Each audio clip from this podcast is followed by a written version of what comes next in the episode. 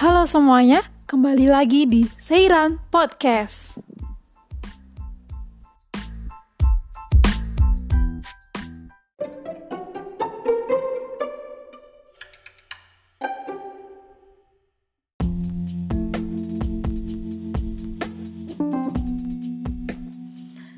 Halo semuanya, kembali lagi bersama aku Kansa Sri Ainun di acara Around the World series Amerika.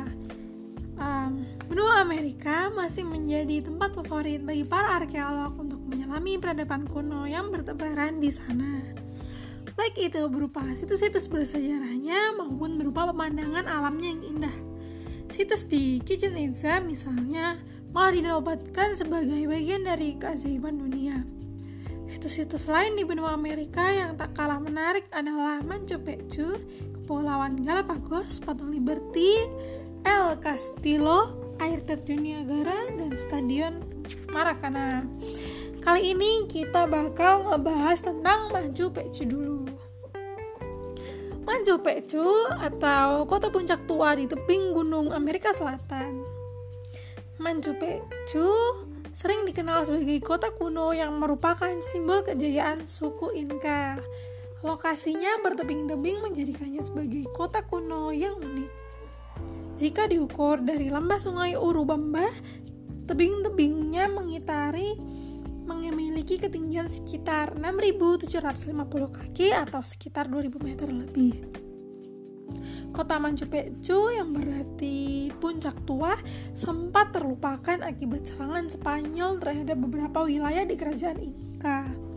Akibatnya, julukan kota Inca yang hilang melekat padanya. Serangan terhadap pusat kerajaan Inca tersebut terjadi pada tahun 1532. Ribuan pasukan Spanyol datang bersama pasukan tentara Peru secara tiba-tiba dan merusak sebagian besar pusat kerajaan Inca. Berikut merupakan data-data tentang kota Machu Picchu. Yang pertama, dibangun oleh Pachutek Yupankui, seorang pemimpin suku Inca, uh, yang mana dibangun sekitar tahun 1450 ditemukan kembali kota Machu Picchu dan diumumkan secara resmi pada tanggal 24 Juli 1911 terletak di Peru di ketinggian 2430 meter dari permukaan laut. Hiram Bingham membawa Picchu kembali melihat peradaban. Profesor Hiram Bingham, seorang ahli sejarah dari Universitas Yale adalah orang pertama yang menemukan dan memadukan pembangunan kembali kota Picchu. Penemuan tersebut terjadi pada tahun 1911 Berkat penemuan kembali kota tersebut, para arkeolog dapat menyimpulkan bahwa kota Machu Picchu terbagi menjadi tiga wilayah besar.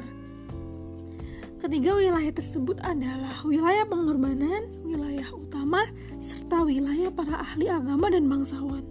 Para arkeolog juga mengetahui bahwa bangunan di sana terbuat menggunakan teknik yang disebut azhar. Mundur dari kerajaan. Machu Picchu merupakan simbol kejayaan kerajaan Inca.